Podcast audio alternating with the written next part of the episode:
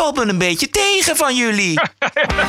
This is the TPO podcast. Nieuwsuur lobbyt om Nederlandse kinderen uit Syrië te halen. Haal alsjeblieft onze kinderen op. De mogelijkheden en de middelen zijn er om het te doen. En het werkt. Ivo Opstelten, altijd duidelijk geweest over Wilders Dit zijn natuurlijk eh, uitspraken die echt niet eh, kunnen. En voormalig ombudsman Alex Brenningmeijer organiseert naoorlogsverzet tegen Donald Trump. Wie van u zou die stelling willen onderschrijven? Geen rode loper voor Trump. Wilt u daarvoor uw hand opsteken? Aflevering 124. Ranting and Reason. Bert Bresson, Roderick Phalo. This is the award winning TPO podcast. Het is maandagavond 10 juni. Hoe was jouw dag, Bert? Hier eh, geen Pinksteren. Dus Nee. eh, een dag als alle anderen. Warm, beetje wordt- in de tuin werken, Ja. ah, eh, eh, tomaten geplukt. Alle winkels open. geplukt. Weet ik niet. Ik, ben, eh, ik, ga, ik ga zo min mogelijk eh, naar de winkels. Hè? Eén keer per week. Maar volgens mij, eh, volgens mij is het daar hier allemaal niet. Zie je eigenlijk wel andere mensen dan, dan je vrouw? Heel weinig. Heel weinig. Dat bevalt me prima. dat was, was ook een beetje bedoeling. Ja, hè? want het, was, het is meer een soort van tegenreactie nog van alle jaren dat je hier in deze stad in Amsterdam eh, ongewild allerlei mensen tegen het lijf liep. Nee, ja, maar ik ben nooit zo'n eh, sociaal eh, feestbeest geweest. Nee? Dus, dat, nee. Dus wat dat betreft komt dat Ja. allemaal prima uit. En dan als je dan... ja, als ik nu nog eh 21 was, zou ik zeggen... Nee, dat is wel heel drastisch. Maar ik ben alweer 43. Hè. Dat is voor jou misschien nog jong. Ja. Maar eh, voor mij voelt dat als, eh, als 433. Mhm. Dus ik, dan eh, vond ik het wel, vind ik het wel mooi geweest. En dan dacht ik van, ik zou fijn zijn om zo, zo min mogelijk mensen te zien. En dat bevalt me wel. Ik heb eigenlijk altijd al diep van binnen kluisenaar willen worden. Ja, dit is jouw echte leven. Dit hoort bij Juist. jou. Dit past bij jou. Juist. Ja, Juist. ja. En, dan, en dan wel in je nieuwe hut en vanuit je huis de, de rest van de wereld in de gaten houden. Dat wel. Nou, wel de rest van de wereld de maat nemen natuurlijk. De maat nemen niet. Ja. Dus diep van binnen ben ik ook, ook een echte kruidenier. Kijk, Een echte Hollander. kijk. Ehm, laten we beginnen met eh, het, het nieuws van vandaag. Eh, eigenlijk een beetje gisteren al. Eh, Nederland is begonnen met het terughalen van kinderen uit het voormalig IS-gebied. Het is een gezamenlijke actie met de Fransen. Proud to be part of the mission led by France to bring back home very young children. Among them will be two very young Dutch orphans. Ja, dit is iemand van het ministerie van Buitenlandse Zaken. Nederland haalt twee zeer jonge weeskinderen op. Ik begrijp dat er nog twee weeskinderen in het Koerdische kampen zitten. Eh, dus die kunnen ehm, ook deze kant opkomen. Maar de grote vraag is natuurlijk, blijft het daarbij... of gaan we ook kinderen met hun ouders terughalen? De actie van vandaag is opvallend omdat een paar dagen geleden Nieuwsuur uitgebreid lo- gelobbyd heeft om IS-ouders met hun kinderen terug naar Nederland te krijgen. Twee fragmenten. In Syrië zitten op dit moment minstens 170 minderjarigen met een Nederlandse vader of moeder in opvangkampen onder Koerdisch bewind. Klaas is opa van vijf kleinkinderen. Eén ervan heeft hij nog nooit gezien. Die is in IS-gebied geboren. Dochter Mandy zit met haar kinderen in een gevangenkamp in Syrië. Ik kreeg toen een berichtje van mijn oudste kleinkind. En die vertelde mij... eh, ja, ze waren allemaal oké. alleen zijn vader die was door een droneaanval... zijn benen waren kapotgeschoten. Maar ze leefden allemaal gelukkig nog. Marion van San schrijft een boek over de vrouwen van IS. Ze heeft contact met 30 vrouwen in kampen in Syrië en Irak. ongelooflijke stress, ongelooflijke angst bij die vrouwen. Eh, bang dat hun kinderen wat overkomt. Als er een kind ziek wordt, ja, dan kan je eigenlijk nergens heen. Er zijn heel veel vrouwen die nog aanhanger zijn van IS.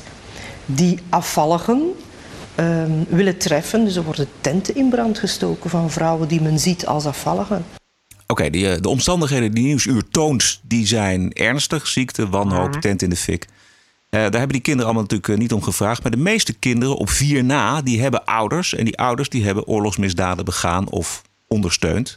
Dat verhaal komt niet aan bod bij Nieuwsuur. Het draait in deze uitzending maar om één boodschap. Haal alsjeblieft onze kinderen op. De mogelijkheden en de middelen zijn er om het te doen. Dus eh, doe het alsjeblieft.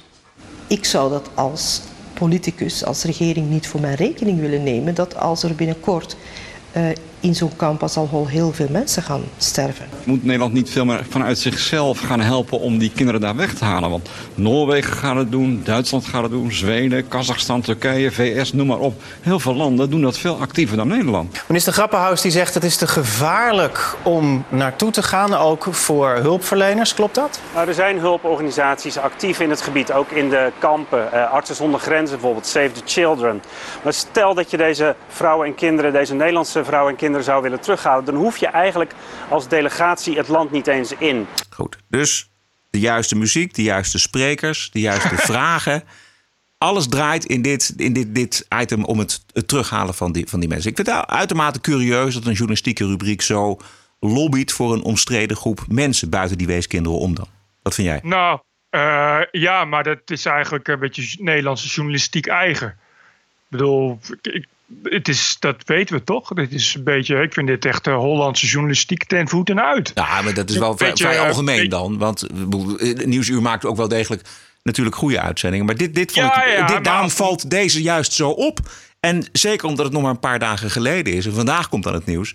Dat Nederland ook inderdaad eh, te beginnen bij die weeskinderen. Twee weeskinderen terug gaat halen. Dat worden er vier waarschijnlijk. En dat worden er waarschijnlijk nog meer kinderen met hun ouders. Zeker, zo gaat dat. Maar zo worden we alle, alle, alle maanden eh, langzaam ingerommeld. Zo, dat, is, dat is hoe het gaat. Dan krijg je eh verschijnen eerst opiniestukken in bladen, zoals Trouw. Wat dat toch, weet je wat dan toch een, een krant is waar, waar, waar, waar dat soort dingen dan beginnen? Oei, oei, oei, wat zielig allemaal. En dan krijg je in de Volkskrant mensenrechten hoogleraar Tom Zwart.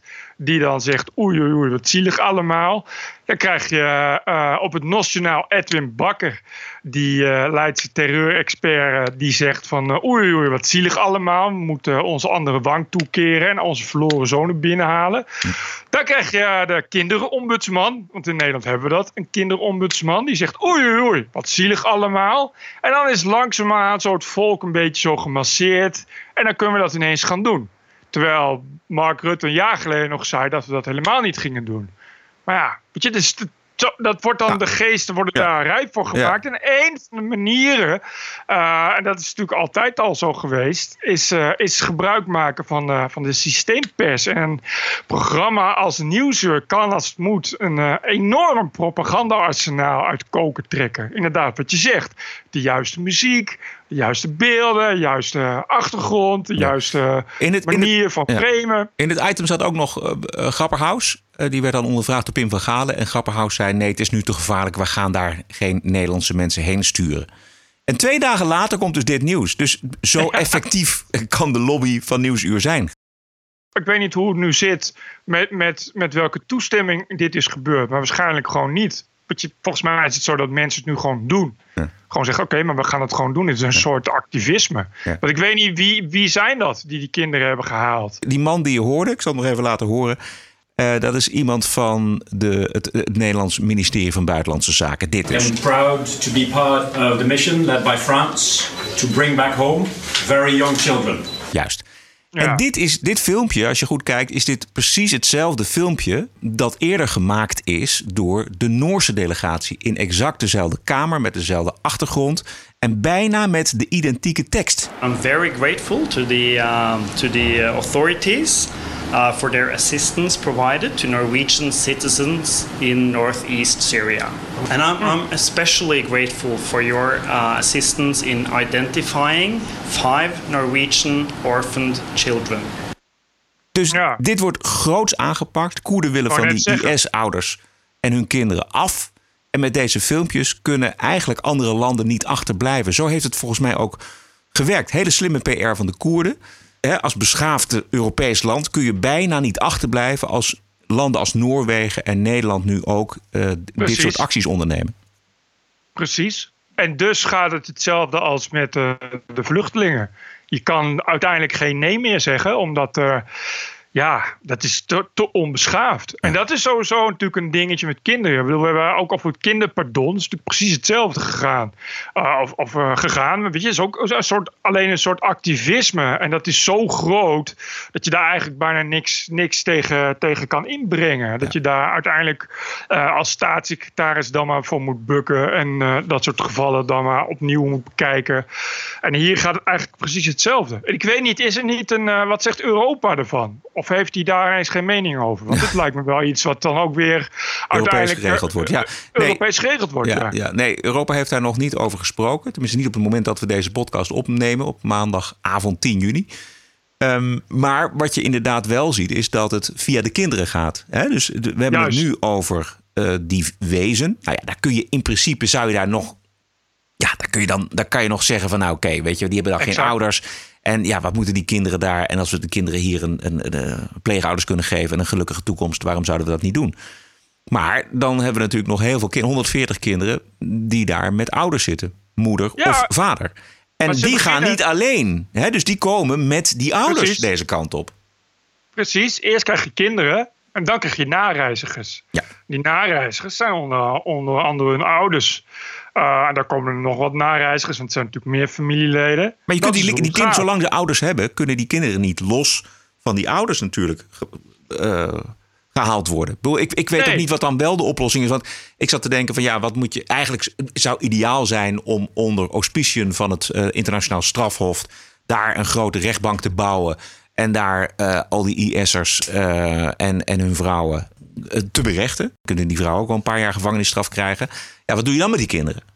Ja, maar ja, dat is, bedoel, dat is normaal natuurlijk ook zo. Ja. Als, je moeder, als je moeder voor tien jaar naar de gevangenis moet, of je beide ouders voor tien jaar naar de gevangenis, dan kom je ook in die jeugdzorg terecht. Ja. Bedoel, Ja. je, dus, dus wat dat betreft, je kan natuurlijk niet zeggen, oh, ik ga dan maar geen ouders Nee. meer berechten, want die hebben kinderen. Nee. En, maar, maar ze beginnen niet voor niks bij de wezen. Bedoel, Het is duidelijk, wat je net al liet horen, een duidelijke, geoliede, goed georganiseerde campagne. Ja, dat denk ik ook. Die, die komen niet de, de reden dat ze met wezen beginnen, is natuurlijk dit. En we zullen straks zien ook dat ze natuurlijk uitgebreid eh, in beeld komen. Met, alle, met inderdaad weer de nodige propaganda vanuit de media. Want het- ja, er is geen enkel kritisch, eh, geen enkele kritische journalistiek als het hierover gaat, want kinderen. Dus, dus en, en dan krijg je, kijk eens wat, wat een lieve kinderen. En, eh, eh, eh, en dit, kunnen we toch niet, dit kunnen we toch niet maken. Er wordt inderdaad weer een, een beroep gedaan op ons fatsoen. op onze moraal. En dan kijken we weer naar het verleden. Wat toch niet zo heel lang geleden is. Moeten we dit dan wel willen met z'n allen? En dan komen dus ook de ouders. Want ja, Weet je, daar, daar krijg je dus dat, dat. We kunnen papa wel berichten. Ja, mama was eigenlijk. Ja, wat, wat, die was nog maar 17. Die wist niet helemaal wat ze deed. Dat moeten we dan eigenlijk maar vergeten. Want willen we nu echt kinderen zonder een moeder laten opvangen? Is, dat, is dat wat je wil? Dan krijgen we bij de praatprogramma's krijgen we kinderen die zonder moeder zijn opgegroeid in de jeugdzorg. En die vertellen hoe verschrikkelijk dat is om zonder moeder te op te groeien. Nou, en dan komen weer eh, eh, Edwin Bakker en die andere mevrouw die ook, die ook van de ChristenUnie is. Maar wat nooit wordt gezegd dat ze ook van de ChristenUnie is. Maar die weer elke dag bij de Wereldrijd doorzit. Die ook terrorisme-deskundige is, Beatrice de Graaf.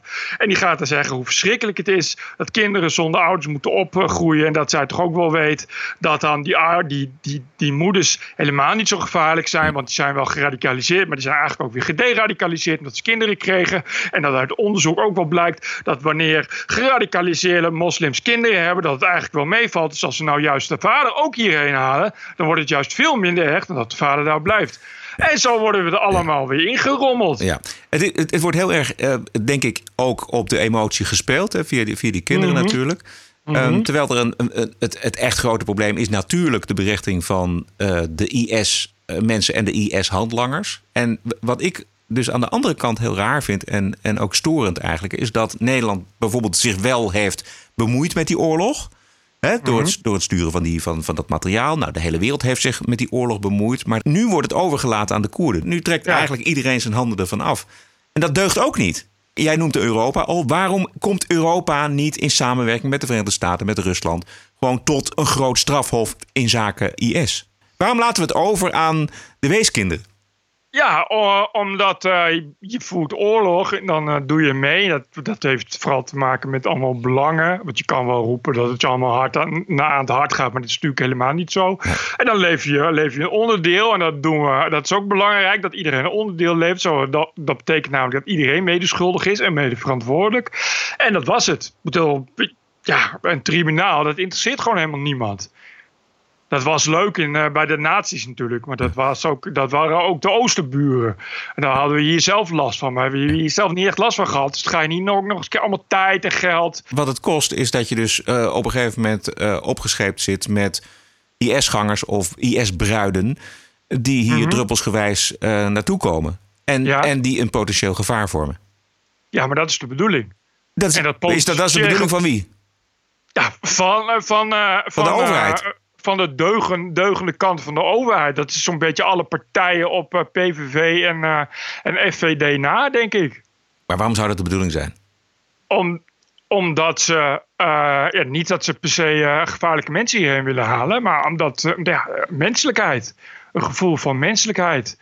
Moraal. Want die- dan krijg je dus inderdaad, ja, als je dat niet doet, dan zijn we gewoon, dan, dan, dan ja, vinden we onszelf te verschrikkelijk. We kunnen niet over dat soort schaduwen heen springen. Dat lukt gewoon niet.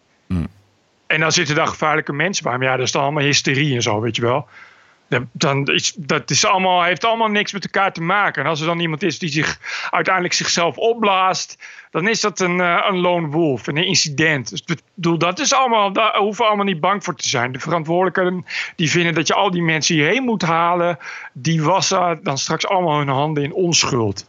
Dat is nou, dat is nou eenmaal zo. Dat is dan, dat is dan wat we willen. Als dat klopt wat jij zegt, dan, dan, dan is dat wel heel erg cynisch. Huh? Ja, het is ook heel erg cynisch. Tuurlijk is, dat, tuurlijk is het heel erg cynisch. Dit is hoe het gaat. Maar hoe denk je dat het gaat bij, eh, bij eh, GGZ-instellingen? Waar ze, waar ze een open deurenbeleid hebben. En mensen het liefst nog vooraf, voordat, ze, voordat die mensen komen, al vrij rond laten lopen. Weet je, ik zat van de week te kijken ook dat die nieuwe was ontsnapt. Precies uit dezelfde GGZ-instelling. Ja.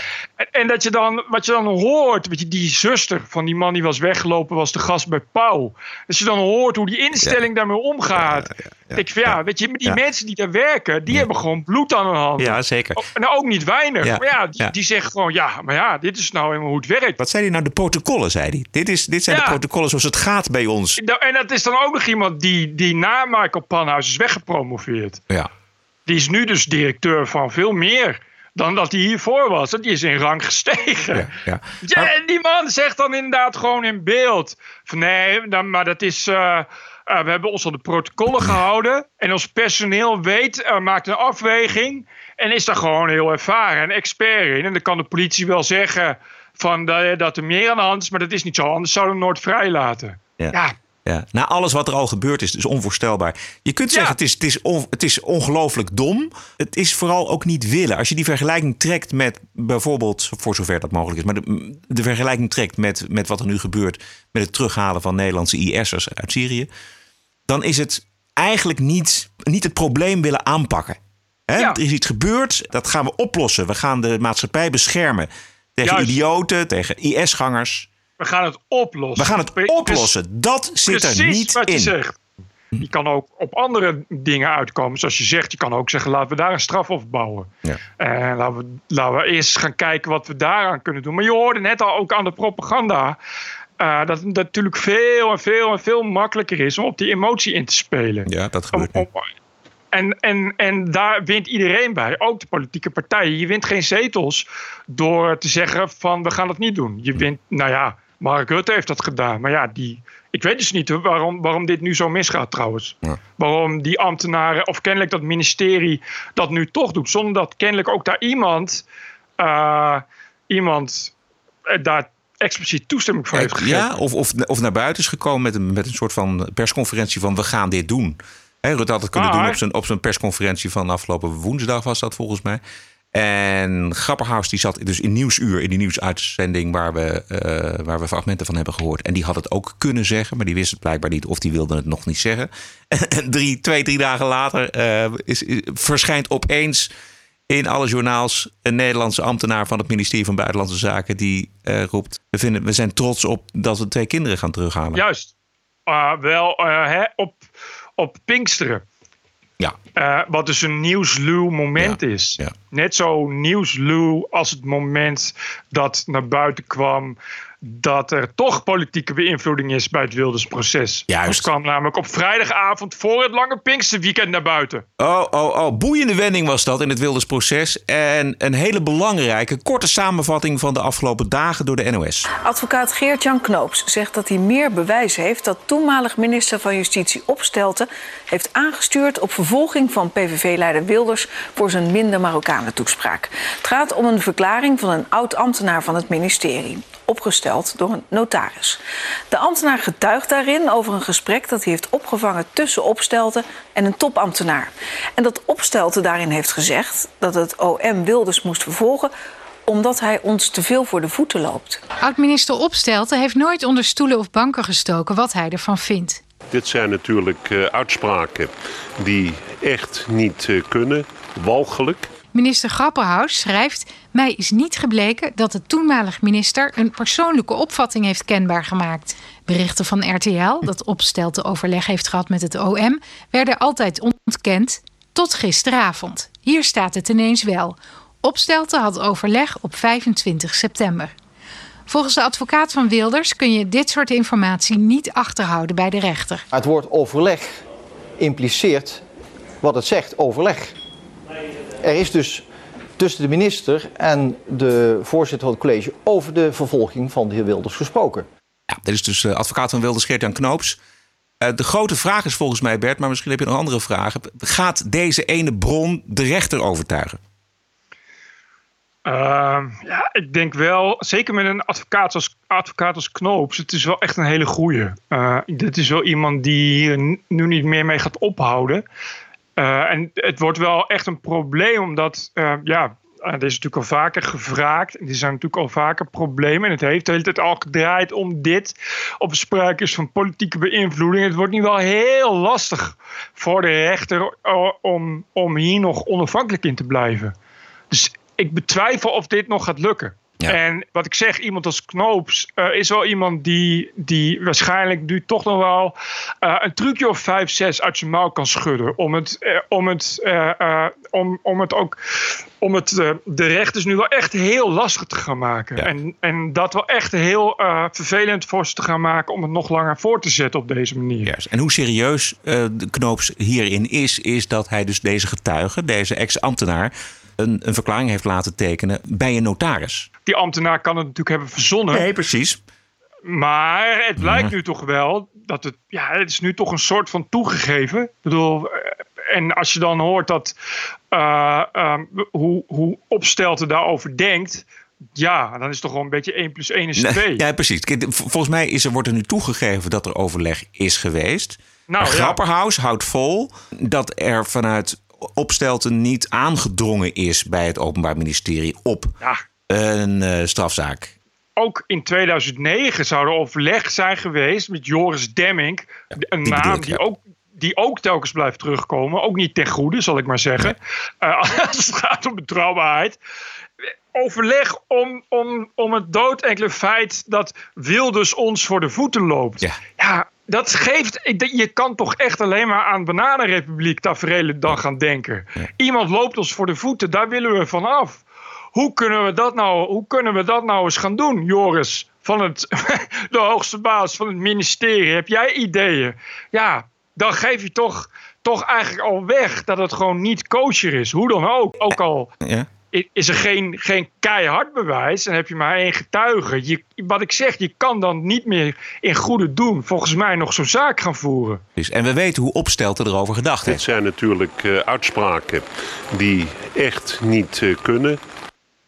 Ja, en we, en we weten hoe integer en betrouwbaar Opstelten was en is. Weet je, dat is, ik bedoel, Ivo Opstelten, een, uh, uh, een, een, een, een, archetypische VVD-regent. Dus je kan je daarbij van alles voorstellen in die tijd. Ik zat ook al te denken, het zou me helemaal niets verbazen uh, als die, die aangiftes van destijds, die grote stormloop op politiebureaus waar de vooraf ingevulde aangiftes al klaar lagen, dat dat gewoon al van hoog op is georganiseerd. Dat zou me helemaal niets verbazen. Nou ben ik natuurlijk een half complotdenker, dus wat weet ik. Maar als je dit hoort, overleggen met Joris Demming, kun je gewoon van alles denken. Dat is dan elk complot is bijna gerechtvaardigd, zou ik willen zeggen. Maar er is natuurlijk een groot probleem. En dat is dat uh, Mark Rutte in al die gevallen minister-president was. En als het dus een reden is om aan te nemen dat er echt iets fucked up is, dan is Mark Rutte de lul en krijgen we verkiezingen. Ja. En er is natuurlijk één grote reden om geen verkiezingen te willen. En dat is dan namelijk dat Thierry Baudet op 25 zetels staat in de peilingen. Zo mogelijk iemand die nog meer voor de voeten van de VVD-ideetjes loopt dan Geert Wilders. Dit is geen prettige Pinksteren geweest voor het kabinet en voor de premier. Nee, uh, en, het, weet je, en het is natuurlijk wel, hoe je het ook went of keert, ook al blijft die rechtszaak uh, daar lekker op doorgaan, dan gebeurt er helemaal niets. Het is wel weer echt een zoveelste deuk in, in het vertrouwen in de rechtsstaat, in het OM, waar het ook al zo lekker mee ging. Waar, ze ook alweer, weet je, waar ook alweer een mooi interview in de Volkskrant stond, waarin de hoogste baas toch zei dat het leuk zou zijn als we allemaal even het OM met rust laten, want dat hebben we bij het OM nodig. Uh, weet je, en, en de VVD, waar het ook al zo lekker mee gaat. Als er nu weer een bewindsman moet sneuvelen bij de VVD, lopen we het risico uh, dat ze Frits Bolkestein van stal halen. Want de laatste die ze van stal hebben gehaald is een oud bewindsmevrouw van 72. Dus ja, de capabele bewindspersonen zijn ook al een beetje op. Dus het begint toch echt op alle fronten op een wel heel krakkemikkige rechtsstaat te, te lijken. Dus hoe dan ook, wat er ook gebeurt, het is een, uh, een uh, vrij groot drama voor ja. alle systeempartijen met de VVD voorop. Right. TPO Podcast. Het was ook wel weer een forumweekend met een interview in de Telegraaf met een oud-militair, Twan Beukering, eh, die zich kandideert voor het voorzitterschap van de Eerste Kamer. En een bijeenkomst van de jongerenafdeling afgelopen weekend, om met dat laatste te beginnen. Een datingcoach en een verhaal over IQ deden het niet goed in de media. En de kritiek van Annabel Nanninga daarop deed het wel ietsje beter. Laten we even naar haar luisteren. Denk altijd aan de schoolpleinmoeder, aan de voetbalvader. Die zijn niet bezig met wijdse academische vergezichten of, of, of verleidingskunsten, als de spreker voor mij. Die willen gewoon goed onderwijs voor hun kinderen. Die willen niet het enige Nederlands sprekende gezin in de straat zijn. Die willen een eerlijke belastingafdracht, waarbij ze nog een beetje wat overhouden aan het eind van de maand. En als gekozen volksvertegenwoordiger zit je er voor die mensen. En als wij voortdurend op zich interessante intellectuele discussies voeren, die controversieel zijn, waar ophef over is, waar gedoe over ontstaat. Ja, die mensen zullen dan niet zo gauw meer praten over hun forumlidmaatschap. Of misschien wel weer VVD gaan stemmen. Ja, ik denk persoonlijk dat Juist. zij hier een, uh, een belangrijk punt heeft. Uh, ja, de, zeker. De volle drie uur zijn te zien op uh, tpo.nl. wat vond jij, Bert? Ik vind zeker dat ze een punt heeft. Ja. Uh, en ik, ik heb ook met haar over gesproken. Kijk, wat er gebeurt is dat zij natuurlijk een, een, een kopstuk is. Ze zit dan wel in de Amsterdamse gemeenteraad. Maar goed, de, en in de Eerste Kamer. Kopstuk. En in de, ja, precies. Dus, dus dat is, dus, dus je bent sowieso een kopstuk. Uh, en die heel serieus met politiek bezig is. Uh, en buiten haar om gebeuren natuurlijk dit soort dingen. Het is, niet, het is niet dat die mensen eerst aan haar vragen: kan ik, zal ik een interview geven van de Telegraaf? Dus dit soort dingen gebeuren. En het is natuurlijk verschrikkelijk vervelend als je zelf met hele andere dingen bezig bent. Terwijl je daar wel natuurlijk als eerste op wordt aangesproken. Uh, weet je, kijk, zij slaat ook op zaterdagochtend de Telegraaf open om dat te moeten lezen. Mm -hmm.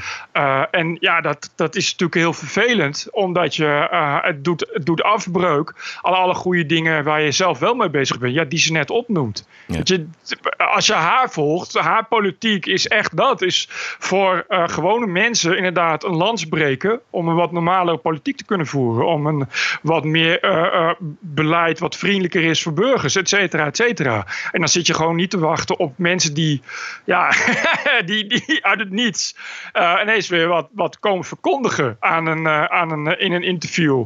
Of, of, of weer een tweet van Baudet met een filmpje waar heel veel ophef over staat. Of ja, inderdaad want kijk, Annabel moet dus wel naar een jongerencongres. Waar ook een datingcoach is die, die zegt van ja. Als er- dat een vrouw nee zegt dat ze nee bedoelt. Dat, is allemaal maar dat is allemaal maar feministisch gelul.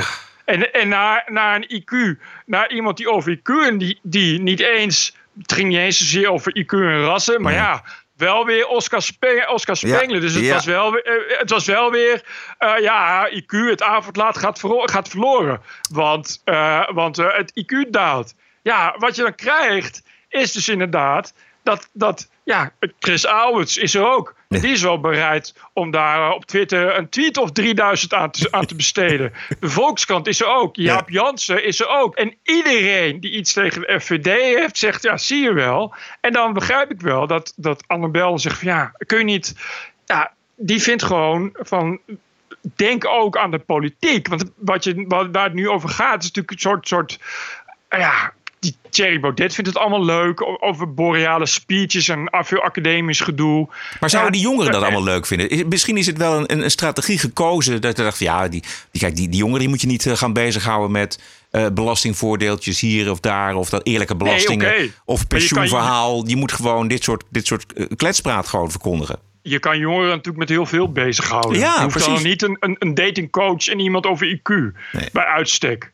En dat is, dat is natuurlijk een beetje het probleem. En bij dat soort interviews, net als destijds bij Henk Otte of, of alle anderen, ja, is het natuurlijk precies zo. Je, dan de, de, de gedachte. Kijk, bij andere partijen gebeurt dat gewoon niet. Dan is er gewoon meer fractiediscipline. En is er meer discipline over, over overleg van, van eh, eh, wat ga ik zeggen en, en, en hoe, wat, wat is wel handig en wat niet. En, en terwijl ze hebben wel gelijk als ze zeggen ja, de Telegraaf is uit op een rel. Want ja, als je dat interview leest, denk je ook van ja, het is wel duidelijk dat ze echt erop springen. En hij heeft natuurlijk nog 3000 dingen gezegd en die worden niet genoemd. En je kunt je ook afvragen, eh, bedoel, dat, dat verhaal van die Joden als makkelammetjes. Nou ja, dat is al heel oud. Dat kun je best nog nuanceren. Eh, en en hoef je, weet je, daar kun je heel veel draaien aan geven. En dat verhaal over MH17 kun je ook als een principestandpunt eh, zien. Want Thierry Baudet zegt, zegt ook... ik wil best mee eh, in het verhaal dat het JIT dat dat onpartijdig is... en dat dat onderzoek klopt. Maar ik wil wel wachten op een uitspraak voor de rechter... voordat ik, voordat ik eh, Poetin moet gaan beschuldigen van een, van een moordaanslag.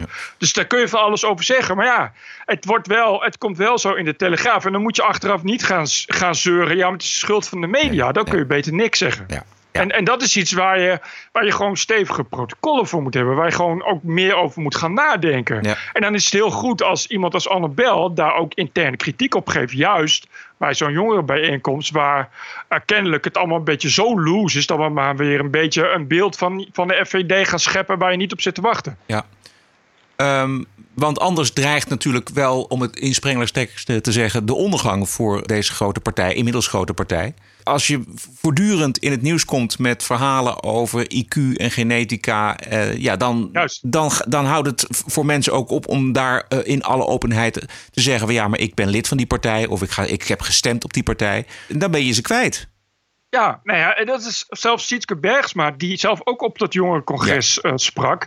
Uh, en dat is niet iemand die, die zoals uh, Annabel uh, uh, daarvoor in de politiek zit, dus die daar last van heeft. En dat is nou ook niet iemand die je een linkse denker kan, kunt noemen, zal ik maar zeggen.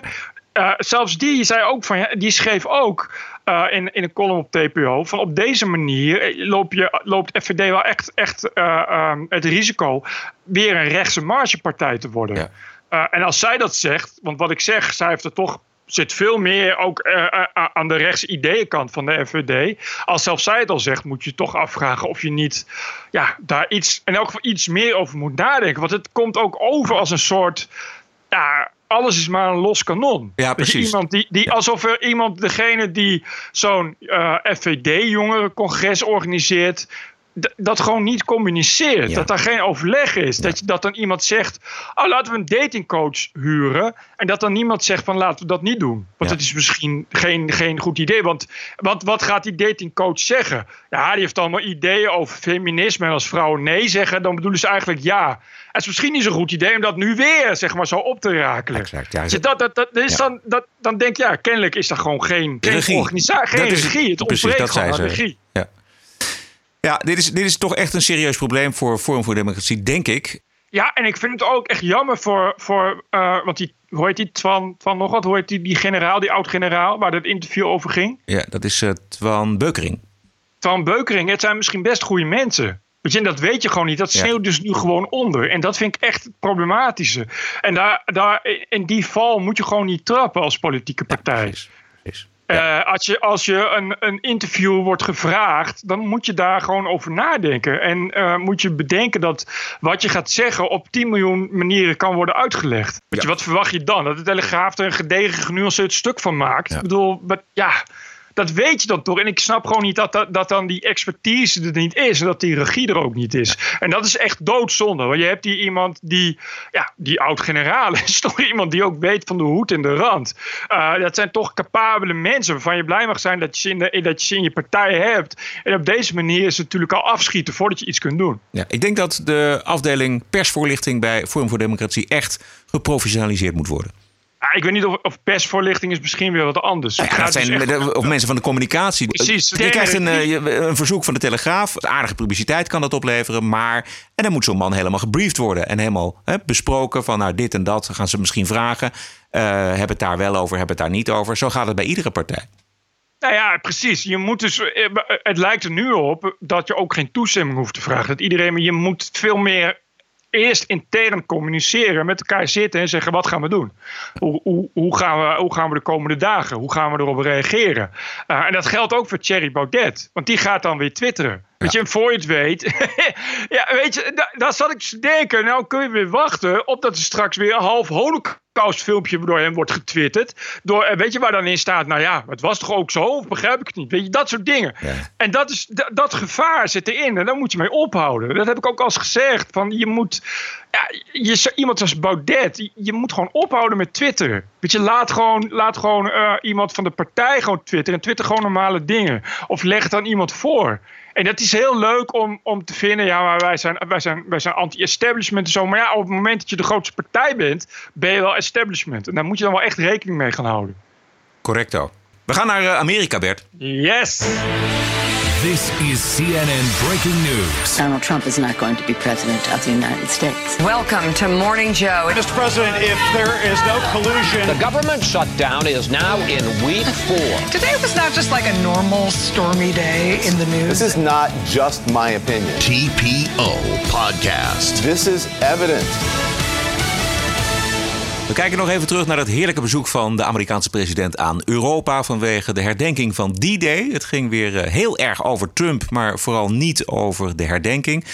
Tot op het jaarcongres van de VNG, de Vereniging van Nederlandse Gemeenten. Ex-ombudsman Alex Brenningmeijer die wilde op het congres de handen op elkaar krijgen voor de stellingname van burgemeester Kaan van Londen. De burgemeester van Londen, meneer Kaan, die heeft gezegd voor Trump leggen we niet de rode loper uit. Mag ik het even uitproberen? Wie, wie, van u zou die stelling willen onderschrijven? Geen rode loper voor Trump. Wilt u daarvoor uw hand opsteken? En wie zegt nee, daar moet je niet aan beginnen. Daar moeten jullie mij niet voor. Het, het valt een beetje tegen, dames en heren.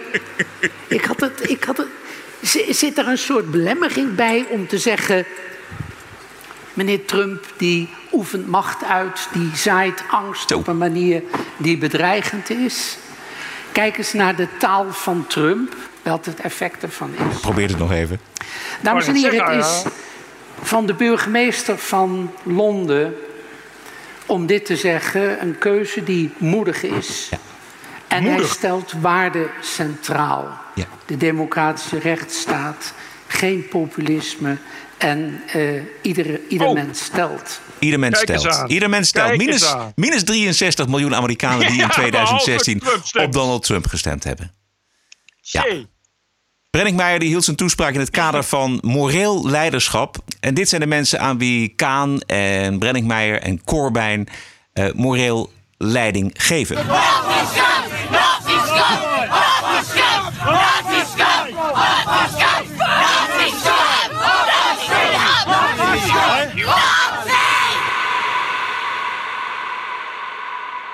Ja, deze laatste uithaal was van een kort blond dametje... die helemaal los ging op een meneer met een andere kijk op Trump. Uh, en heel moreel. Ja, heel moreel. Ja. En de, inmiddels heeft het hele, de hele wereld heeft het filmpje gezien, want het ging, uh, ging viral. En ook haar werkgever heeft het gezien. En nu is ze haar baantje kwijt. ja, daar lach je nu om, Bert. Maar er zijn dezelfde Twitter-mops, maar dan van de andere kant, die haar achter haar aan hebben gezet. Oh, oh ik wist niet dat ze ook gemopt was. Ja, ja enorm gemopt. Ja, ja. Maar goed, ja. uh, ik, dit, dit soort meisjes uh, doet zelf ook de hele dag niks anders. Nee, precies, dat denk ik ook. Ja. Oh, oh, speaking of mobs. Ja. Even tussendoor. Doe maar. Weet je wie ook, weet je wie ook gemopt wordt? Don Lemon. Ach, waar? CNN. Ja, die, wordt, die, die, moet, uh, die uh, heeft nu uh, allemaal aparte beveiliging nodig en dat soort dingen. Want ja, nou goed, die krijgt natuurlijk elke dag kapot veel bedreigingen. en je raadt het nooit wie een schuld dat is. Dat raad je nooit. Ik denk, het begint met een D en een, en een T. Het is de schuld van Donald Trump. Dus die, dat is dus niet, voor de duidelijkheid, niet de schuld van, van Don Lemon zelf, die elke dag, of, of ik weet niet hoe vaak hij dat doet, die zelf op CNN een podium zoekt en daar polariseert. Dat dus niet. Nee. Maar het is de schuld van Trump dat Don Lemon nu moet worden beveiligd. Ik begreep dat hij, hij stond in een, een park, was hij een, een, een iets aan het opnemen. En daar werd Ja. hij, nou niet aangevallen, maar hij werd daar uitgescholden. Dat was het volgens mij belaagd. De tijd eigenlijk dat eh, celebrities eh koetkekoet werden geadoreerd, die is echt wel voorbij. Die status hebben ze niet meer. Maar, maar het narcisme van dat soort Ja, ja, ja, mensen. dat ze ook, en, maar dat zie je steeds vaker. Dat ze echt vluchten naar. Oh, oh ik word bedreigd. En dan wordt helemaal wordt uitgesponnen. Verschrikkelijk. En dan wordt er ook. Andere journalisten nemen dat dan over. Dat, dat, terwijl dat je denkt. alsof dat niet van de andere kant gebeurt. Weet je, alsof daar niet. eh, alsof, alsof de mensen die, die jij de hele tijd vernachelt in je televisieshows. alsof die daar geen last van hebben. Exact. Weet je wel? Het is echt. Nou ja, goed, dit is. eh, maar dit was even tussendoor voor Don Lemon. De Britse journalist Piers Morgan. Die had een prima interview met de Amerikaanse president. Ik- heb er eh, een paar stukjes uit. Volgens mij hebben nog maar weinig mensen dat interview echt gezien en gehoord. Heb jij het gezien? Stukjes daarvan? Nee, ik wist, dus, ik wist dus ook niet dat hij dat had. Best wel goed geregeld. Piers Morgan, ja, hij is, Piers Morgan is eh, zo'n beetje de enige journalist die Trump volgt. Dus Trump volgt eh, niet zoveel mensen en Piers Morgan is er één van. Hij heeft hem vaker gesproken. Hij beschouwt hem als een soort van vriend, of in ieder geval een goede Oh. kennis. En eh, Piers Morgan die wilde eerst eh, opgeklaard hebben wat Trump nou precies gezegd heeft over Meghan Markle, eh, dus de vrouw van Prins Harry. This Meghan Markle business. Yeah. Do you think Meghan Markle's nasty or not? No, you know, the question was asked to me, and I didn't know that she said anything bad about me. It sounds like she did, and that's okay. I mean, hey, join the crowd, right? You've heard about that too with yourself. Of I know that, right? But it seems like she had, and they said some of the things that she said, and it's actually on tape.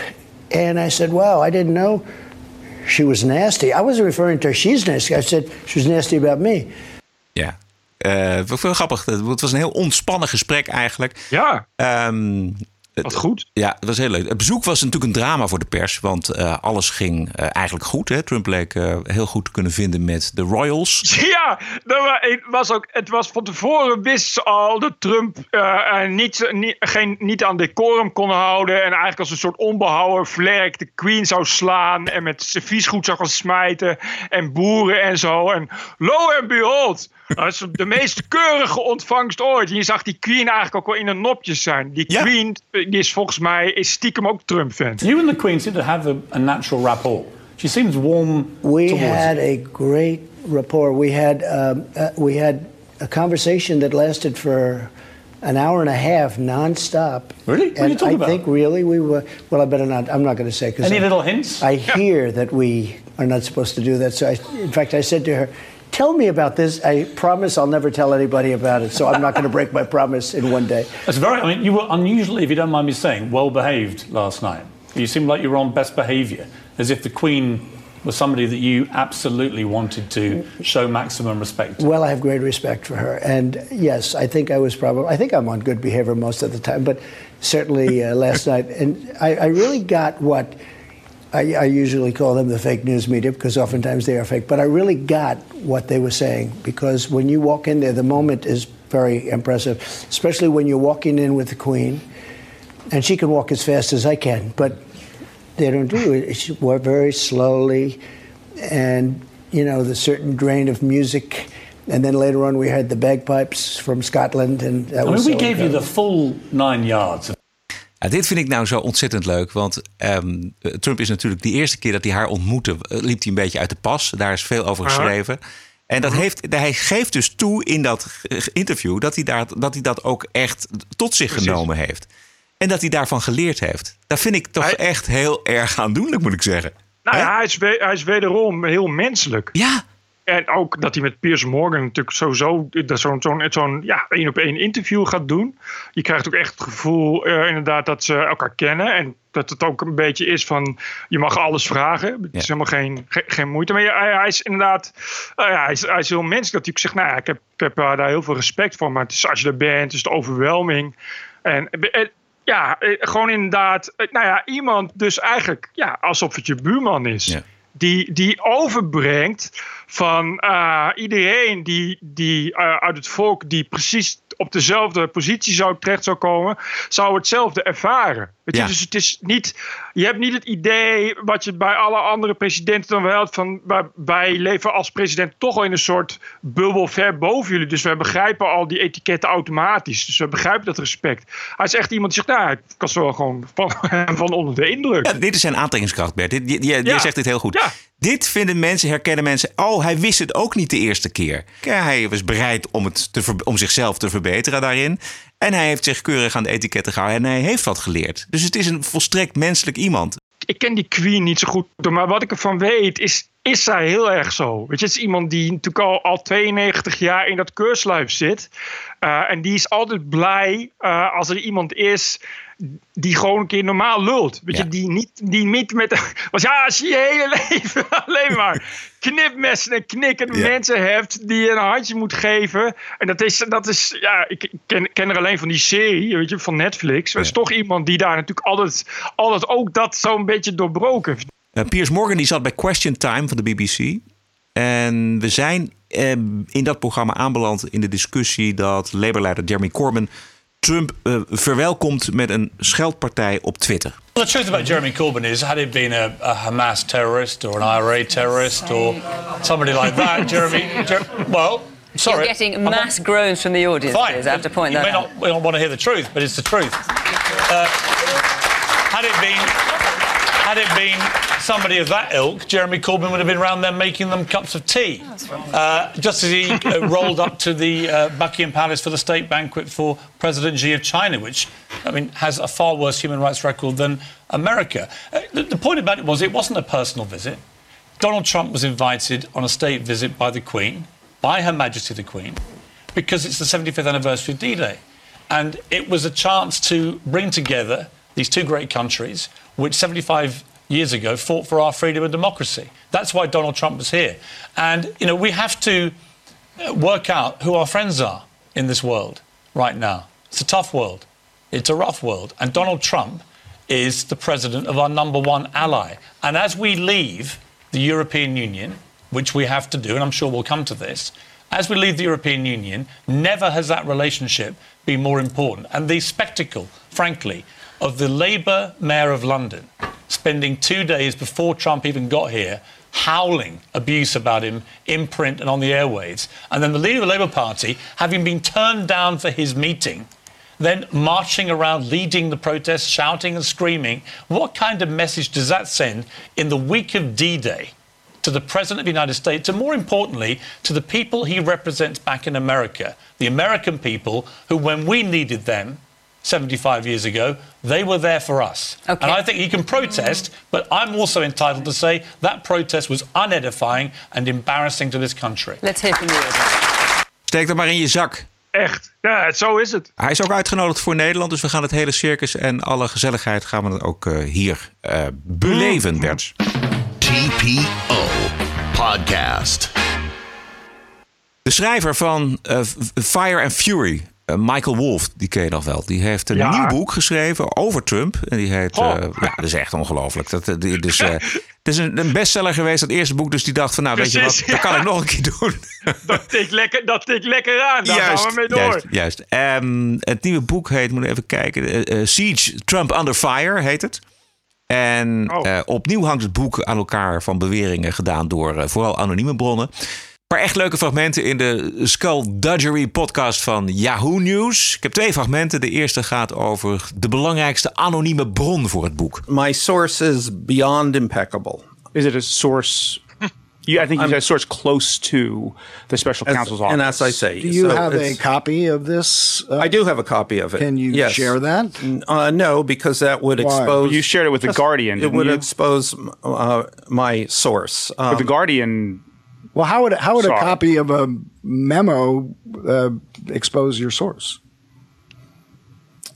um, you, you just have to trust me that that Right. that I'm not doing this because I do not want to expose the source. Ja, er wordt enorm onderhanden genomen in deze podcast. Twee jongens die Terecht. ook eh, helemaal eh, niks eh, van Trump moeten weten. Maar ook zeer veel vraagtekens zetten bij dit boek van Michael Wolff. En er staan een paar aperte fouten in. Eén betreft de behandeling van ex-advocaat Michael Cohen door de FBI. Some other things you write in the book that seem questionable to say the least. Page 31, you write that in April 2018, while FBI searched his office, Michael Cohen, quote, sat handcuffed for hours in his kitchen.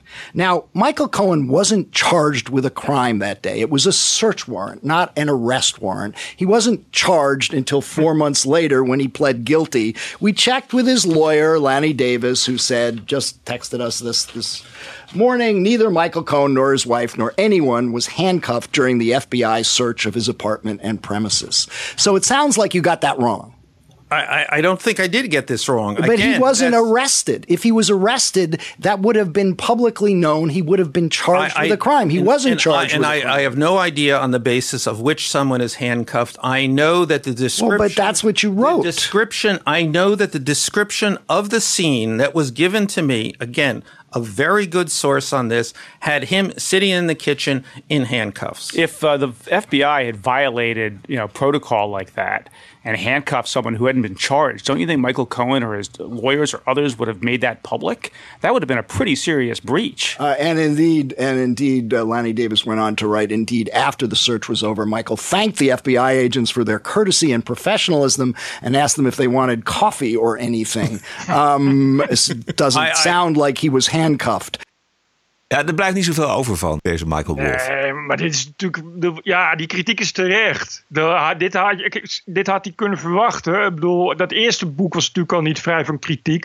Want, want ja, het is natuurlijk zo, zo sensationistisch als de neten. eh, en en eh, alleen maar anonieme bronnen. Als je daar inderdaad binnen no time met een tweede komt, weet iedereen dat het je om het geld te doen is. En niet om de betrouwbare journalistiek die, je- die je daarachter hebt.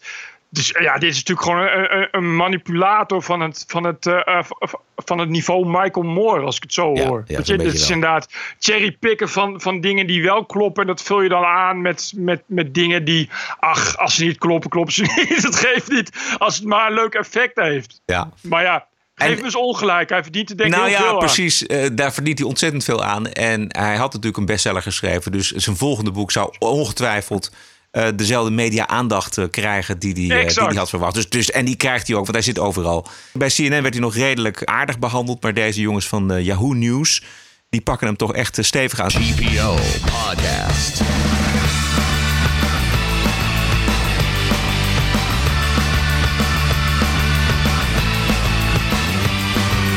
Ranting and Reason. Zeg Roderick, Ja? Hebben wij nog eh, een BNN Award eh, of eh, BNR Award gewonnen voor de podcast? Ik zou het eigenlijk niet weten, Bert, want ik heb, het, ik heb het allemaal niet meer gevolgd. Ik was aan het eten en met een paar vrienden en dat was hartstikke leuk en gezellig. Heb jij niks te horen gekregen? Nee, ik, las, ik las wat. en het waren NSC en publieke omroepen eigenlijk uitsluitend die hadden gewonnen. Dus ik denk dat George Freulich zelf een, een, een helpende hand heeft gehad in de jurering. Ja, misschien was hij wel voorzitter, dat weet ik trouwens niet. Dat zou zomaar kunnen. Maar goed, nee. Volgende keer beter. hè, ben je bij de uitreiking geweest? Nee, nee, nee, nee, nee, nee. Was niet van plan. Oké. Oké, jongen. Ehm, nou, dit was het wel, hè? Ja, is, dit is alweer eh, gelukt. Tot zover deze aflevering 124. Vindt u dit leuk geluid? Vindt u dit een belangrijk geluid? Steun ons dan met uw donatie. Dat helpt ons en de podcast. En natuurlijk u zelf ook, want u kunt lekker blijven luisteren naar die TPO podcast. Ga naar tpo.nl slash podcast. Daar vindt u de mogelijkheden om iets te doneren. Wij zijn terug dinsdag 18 juni. En ik zou zeggen, heb een mooie week en tot dinsdag. Eh, ja, tot dinsdag. TPO Podcast. Bert Bruson, Roderick Balo, Ranting and Reason. And hope. Podcasting is the TPO podcast in the Netherlands. Bert and Roderick. What a show. I'm telling you.